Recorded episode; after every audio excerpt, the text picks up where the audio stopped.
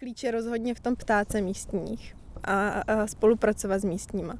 Město může mít sebe lepší záměr, ale vlastně pokud se ten záměr nekomunikuje s místníma a nediskutuje s nima, tak ty místní to pořád berou jako nějaký zásah z hora, který není úplně jejich, že se zase o, o tom místě nějak jako rozhoduje bez jejich přičinění. Jo, myslím, že to ukazuje na to, že se prostě i sousedi rádi jako setkávají a chtějí. Dokonce tady máme někoho, kdo měl konkurenční akci, která by pro něj vlastně finančně byla zajímavá. My to tady v financích to tu samozřejmě není a přesto se rozhodl, že aspoň část dne bude, bude s náma tady a bude dělat domácí těstoviny pro děti. Takže jako myslím, že to lidi cítí, že... Parky, okolí řek, ulice, náměstí, hřiště mezi paneláky nebo třeba zahrady Budějovické nemocnice. Co tato místa spojuje? Společně utváří městský veřejný prostor, který je místem setkávání, interakcí a možného komunitního života. Dokáže kultura veřejný prostor měnit? A dokážeme skrze kultivaci veřejného prostoru zlepšit kulturní život ve městě? My věříme, že ano. Proto v rámci kandidatury Budějovic na Evropské hlavní město kultury vznikl projekt s názvem Kulturista, který od března do září navštěvoval jednotlivé lokality města, třeba Suché Vrbné, Pražské předměstí nebo sídliště Šumava. Cílem bylo podpořit místní aktivity a iniciativy a společně se pokusit rozžít veřejný prostor i mimo historické centrum. Na veřejný prostor se dá ale dívat i z jiné perspektivy. Nebudeme jednotlivá místa už jenom pozorovat, ale budeme se ptát na to, co se na nich děje, jak slouží obyvatelům, kdo místa veřejného prostoru mimo centrum oživuje a jakým způsobem. O tom všem jsem si povídala s jednou ze zakladatelek nově vzniklé iniciativy s názvem Sousedé z Havlindy. Organizátorské jádro tvoří čtyři sousedi. Bára, Petra, Michal a Petr. Scházíme se tady v rámci akce Zažít Havlindu jinak. Vedle mě stojí jedna z organizátorek. Chtěla bych se zeptat, jak se to stalo? Jaký je váš příběh? Mm-hmm. Takhle, jsme skupina čtyř sousedů, který to iniciovali. A e, dva z nás dělali akci u nás na dvoře, respektive já jsem to iniciovala a Petr Bublík se tak jako hodně přidal. A druhá část dělala hm, sousedskou slavnost tady v parku v Polní. Bylo to na základě popudu e, projektu Kulturista, který vlastně v rámci um, kandidatury města na Evropské hlavní město kultury uh, si dal za cíl vlastně probudit um, sousedství v Budějcích ještě předtím, než vlastně vůbec se jakoby podá ta žádost na tu kandidaturu. Jednak protože chtěli získat různé informace, zjistit, jaký je tady podhoubí. No a uh, po tom dubnu, kdy jsme tak trošku byli všichni skeptický, nebo ne všichni, ale já rozhodně, eh, jak to vlastně vůbec jako půjde, protože bylo krátký čas na to něco zařídit, jestli vůbec někdo dorazí, jak to tak bude, protože to naše sousedství v tomhle smyslu jakoby vlastně nefungovalo do téhle doby.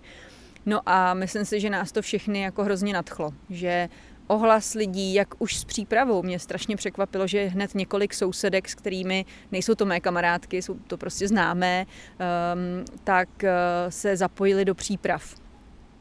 A tím, že to celé tak jako hezky proběhlo a že jsme si to tak jako užili, tak se nějakým způsobem prostě sformovala skupina nás čtyř, kdy jsme si řekli, pojďme v tom pokračovat. Je to jako fajn, baví nás to. A protože já mám nějakou historii žádání grantů, tak jsme hned zkusili skrz nadaci VIA požádat ehm, ve výzvě, kdy vlastně oni podporují primárně komunitní aktivity. Grant jsme dostali, získali a myslím si, že jako pro nás asi ty peníze, získat peníze nebylo až tak zásadní, ale vlastně to byl nějaký takový další krok, že jsme si dobře podpořili nás, tak jo, pojďme, pojďme teda to udělat. Takže jsme si naplánovali vlastně od září do května asi 8 nějakých akcí. A tahle je první vlastně z nich, taková bych řekla ta jedna z těch větších. No a k nám čtyřem se postupně prostě přidávají různí další úplně různou formou. Tak jako na workshopu na Dacevě a nám to říkali, že ty sousedi se prostě můžou zapojit v různé míře. Někdo je hm, hlavním iniciátorem nějakých aktivit, někdo má jenom nápad, někomu zavoláte a přiveze vám ráno na slavnost stůl a teď dokonce ten někdo i se nabít, že vlastně by nás chtěl podpořit třeba finančně. Takže to vzniká hrozně organicky a je to strašně fajn. Jaké další akce plánujete v průběhu toho roku? Jste říkala, že máte naplánované akce až do května. Tak co vás čeká? Aha. Uh, tak chtěli bychom teď na podzim udělat drakiádu. Ta nemá pevný termín, že nevím, nevíme, kdy bude foukat vítr. Takže, ale někdy v říjnu, někdy během října. To by mělo být spojeno i s eh, pečením eh, bramboráků, tak to ještě bude muset doladit, jak to vlastně bude všechno vypadat. Možná to bude i soutěž, kdo upeče lepší bramborák. Pak je tam naplánované vánoční setkání v prosinci a teď přemýšlím, jestli je něco v listopadu. Lampionový průvod tam vlastně bude dušičkový, ano, takže to bychom si chtěli tak jako kolem Mlínský stoky dojít až, až eh, na velka s, s dětma a s lampionama. Pak tam máme teda uh, masopustní splutí uh, mlínské stoky, kde si budeme muset domluvit s povodím, aby nám pustili vodu, aby se to vůbec dalo splout. Takže vlastně docela tradiční slavnosti, kdybych to tak jako měla schrnout.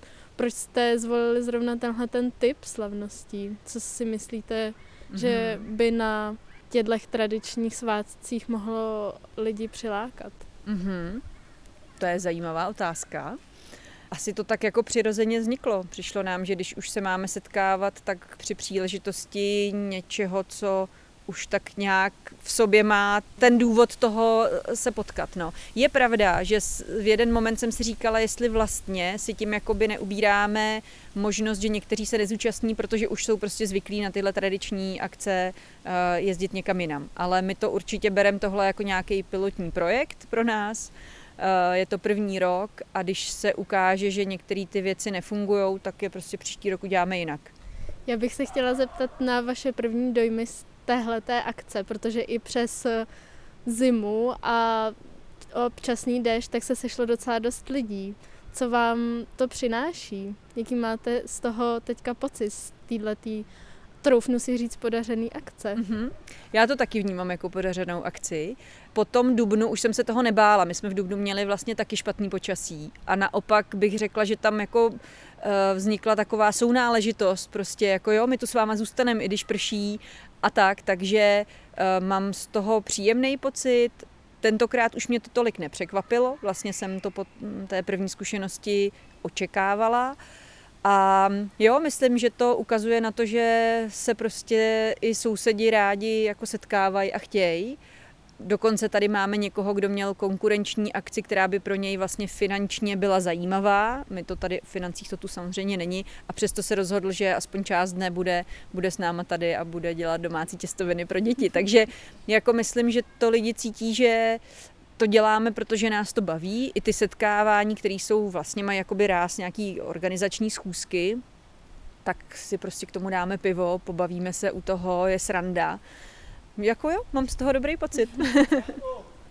Jaký je váš cíl pořádání těchto těch akcí a vlastně celé té iniciativy? Mm-hmm.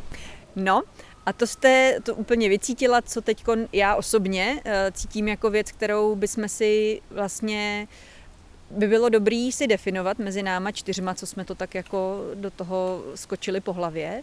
Eh, že myslím si, že každý z nás to nějak cítí, každý z nás má trošku jinou motivaci. Třeba já s Petrou si myslím, že jsme spíš přes organizaci a to setkávání.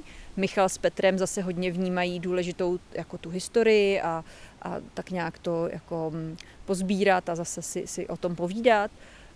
Na druhou stranu oni s organizací taky pomáhají a my zase na druhou, takže všechno se to jako prolíná.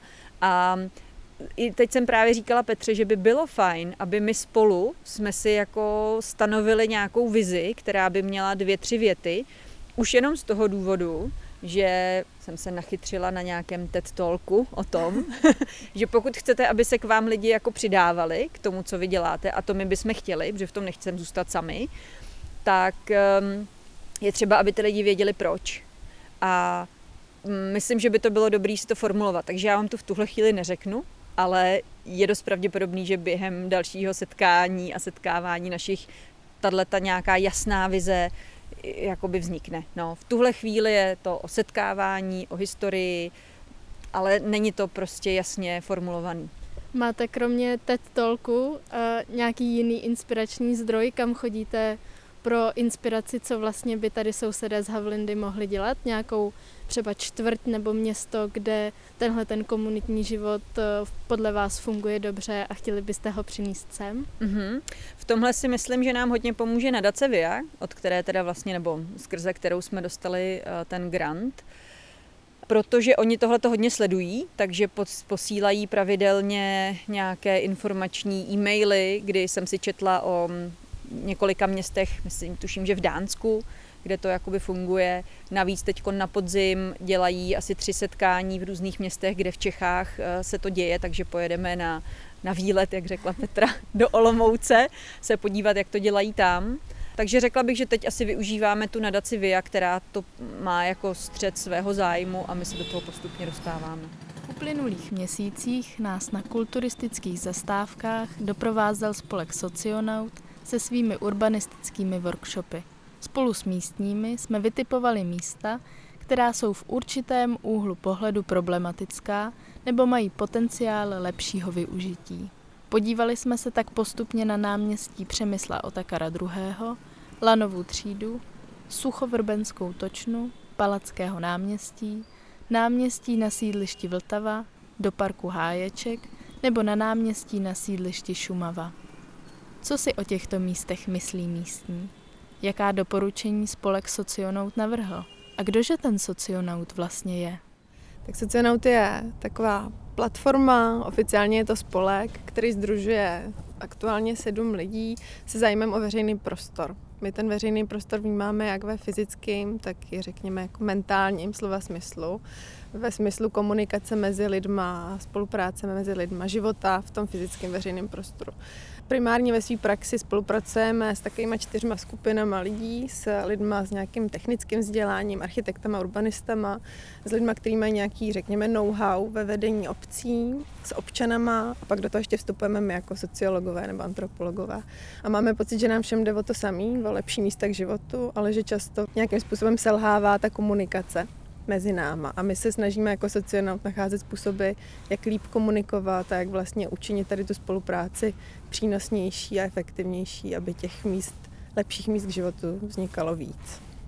Vy jste začali působit eh, v Českých Budějovicích v rámci příprav kandidatury na Evropské hlavní město kultury. Jak začala tato spolupráce? Uh-huh. Uh, my jsme byli oslovení přímo týmem od kandidatury Českých Budějovic na Evropské město kultury uh, s takovou prozbou, jestli bychom mohli vytvořit něco jako urbanistický workshop pro místní. Jehož cílem je především jako aktivace těch místních, přitažení těch místních k zájmu o to místo, ve kterém žijou, protože vycházíme z předpokladu, že lidi často místama, ve kterých žijou, jenom prochází a příliš se o to místo nezajímají. A nemyslím to nějak zlé, myslím to prostě tak jako prakticky, že člověk, který pospíchá z práce nebo za nějakýma jinýma povinnostma, prostě nemá nacítěný to místo, nemá příležitost se zastavit a zapřemýšlet o tom místě víc do hloubky, případně sdílet tady ty jako svoje pocity z toho místa nebo představy o tom místě s ostatníma. A nám přišlo fajn vytvořit právě takovýhle jako workshop pro ty místní, kde vlastně ty místní stáhneme z toho spěchu, té ulice k sobě a Poprosíme je, aby v tom zastavení na chvíli zapřemýšleli nad tím místem a zamysleli se, co jim tam vadí, co se jim tam líbí, co tam funguje, co by stálo za to vylepšit, jaký výzvy to místo vlastně má, jaký potenciál to místo má. A snažili jsme se ty metody volit i tak, aby docházelo třeba i k interakci těch lidí a došlo k nějakému i sdílení představ více lidí o tom samotném místě. Jak konkrétně vypadaly ty workshopy? Připravili jsme si asi pět různých eh, přístupů. Některý byly víc zábavný, jiný byly víc analytický pro nás, pro sociologii, eh, na sběr dát. Snažili jsme se obecně o to, aby ty metody, které jsme používali, byly hodně inkluzivní. To znamená, aby nevylučovali nikoho, aby byly pro všechny věkové skupiny, pro lidi s jakýmkoliv backgroundem, s jakýmkoliv vzděláním. Stačilo nám prostě jenom, že to místo znají, že v něm žijou, nebo že ho využívají nějak aktivně. A to byl pro nás ten základní předpoklad. Takže jsme tam měli aktivity od okna do budoucnosti, což byl vlastně jakoby rám okna se sklem, kterým se člověk mohl dívat do nějakého prostoru a na to kreslit, co by si v tom prostoru představoval nebo rád měl v budoucnu. Měli jsme tam aktivitu Postav si svou ideální čtvrť, kdy jsme vlastně ze spousty různých věcí, haraburdí, hraček, kostiček, modelíny, měli na desce plán té čtvrti a lidi tam mohli do toho vlastně jako vkládat věci, které by se jim líbily v té čtvrti mít.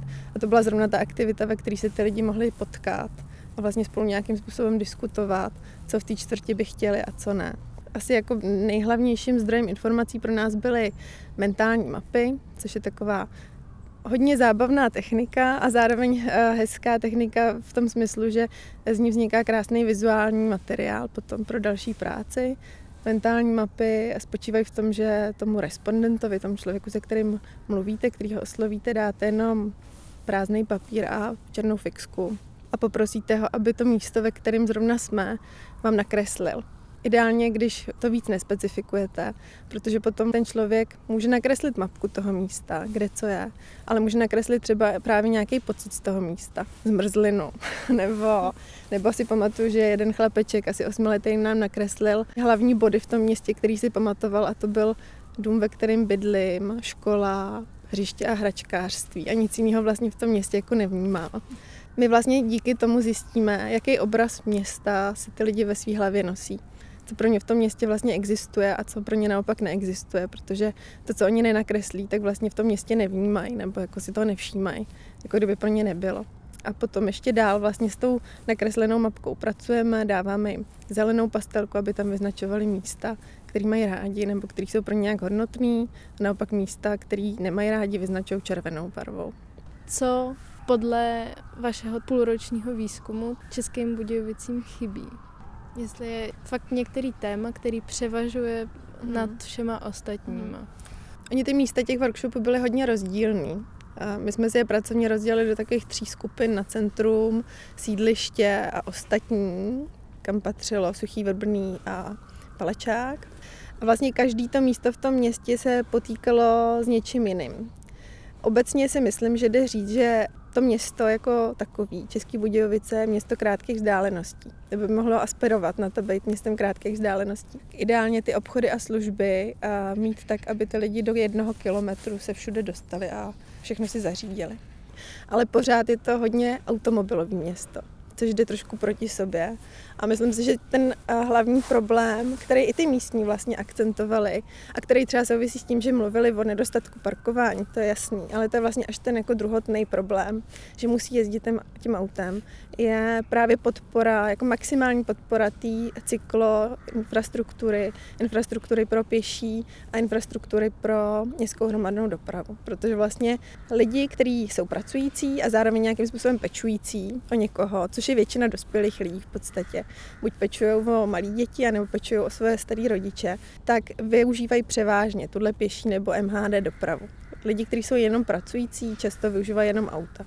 Takže v momentě, kdy město jakoby udělá vstřícný krok a podpoří tady tu pěší a cykloinfrastrukturu v tom městě, tak hrozně tady té skupině lidí pomůže. A pomůže nejenom týdle prostřední, říká se občas sandvičový generaci, ale pomůže tím pádem i té nejmladší generaci těch dětí, i té nejstarší generaci těch eh, seniorů. Kdy vlastně vytvořením nějaký sítě, řekněme koridoru tím městem, kterými se dá pohybovat bezpečně, příjemně a jako pohodlně, řekněme, to by tomu městu hrozně pomohlo. Z vaší praxe, protože vy objíždíte spousta měst, viděli jste spousta míst, spousta komunit, jak se to stane, že ty lidi začnou to místo pokládat za svý? Že ten veřejný prostor se stane opravdu místem, který mají ty lidi rádi a řeknou, že to je naše. Mhm. To je strašně těžká otázka. Klíč je rozhodně v tom ptáce místních a, a spolupracovat s místníma. Město může mít sebe lepší záměr, ale vlastně pokud se ten záměr nekomunikuje s místníma a nediskutuje s nima, tak ty místní to pořád berou jako nějaký zásah z hora, který není úplně jejich, že se zase o, o tom místě nějak jako rozhoduje bez jejich přičinění. Takže vlastně dobrá komunikace, spolupráce s místníma, ptaní se na jejich potřeby a přání a vlastně jako takovýhle aktivní vtažení těch lidí do tvorby toho místa mi přijde hrozně důležitý. My jsme se bavili vlastně i o tom, že je dobrý eh, ty lidi naučit do nových míst chodit, nějak, skrze nějaké akce a aktivity, protože když vytvoříte takhle park nebo nějaký nový pobytový prostor, bez účastí místních, tak ty místní se tím městem většinou pohybují po nějakých svých trasách, po oblíbených místech a naučit je chodit na nový místo může dát nějakou práci prostě, zvlášť pokud je nevtáhnete už do té tvorby toho místa. Takže kdybych to měla schrnout, je dobrý co nejvíc podporovat iniciativu ze spoda, aby ideálně ty nápady pro ten veřejný prostor vycházely od těch místních. Poslouchat ty místní, podporovat je v tom, aby jako aktivně to město utvářeli. A pokud město chce něco vytvořit, tak to s těma místníma diskutovat, komunikovat a přizvat je k spolutvorbě toho místa. Protože když to ty místní vytvoří sami, tak se toho víc váží. Je prokázaný, že lidi, kteří ideálně i jako nějakýma do-it-yourself workshopama, jo, jakože opravdu to místo můžou i stavět nějakým způsobem nebo se do něj opravdu nějak promítnout, tak potom uh, i ty místa jsou méně ničený. Ty lidi opravdu si jich cení a i dávají vědět ostatním, hele, tady to jsme vytvořili my, neničte nám to. A vlastně to berou opravdu za svý. Hmm. My jsme do té závěrečné zprávy nakonec dali čtyři rady na závěr, jsme to nazvali. Inkluzivita, nedokončenost, proaktivita a teenagery. Čtyři rady na závěr. Tak ta inkluzivita myslet na všechny pořád. Ty místa navrhovat a promýšlet tak, aby se v nich cítili dobře opravdu všichni. Bez ohledu na věk, bez ohledu na nějaký handicap, na sociální background svůj prostě místa, ve kterých bude dobře dětem, starým lidem, handicapovaným i komukoliv jinému. A potom říkáme, že je strašně důležitý zaměřit se na teenagery. Teenagery jsou taková skupina obyvatel, která často z pohledu vedení měst vypadává. Hodně se zaměřuje na malé děti a pak se zaměřuje na starší, dospělí, seniory. Ale vlastně ty teenageři nejsou vůbec v tom městě reflektovaní a přitom je to skupina velmi citlivá, skupina lidí, který se nějakým způsobem formují a formují se i vztah k tomu místu.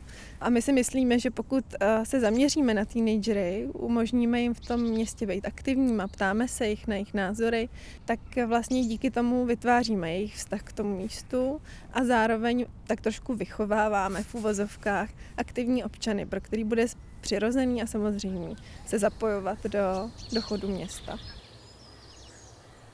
O veřejném prostoru jsem si povídala s Bárou Paulátovou z iniciativy Sousedé z Havlindy a s Hanou Jánskou ze spolku Socionaut.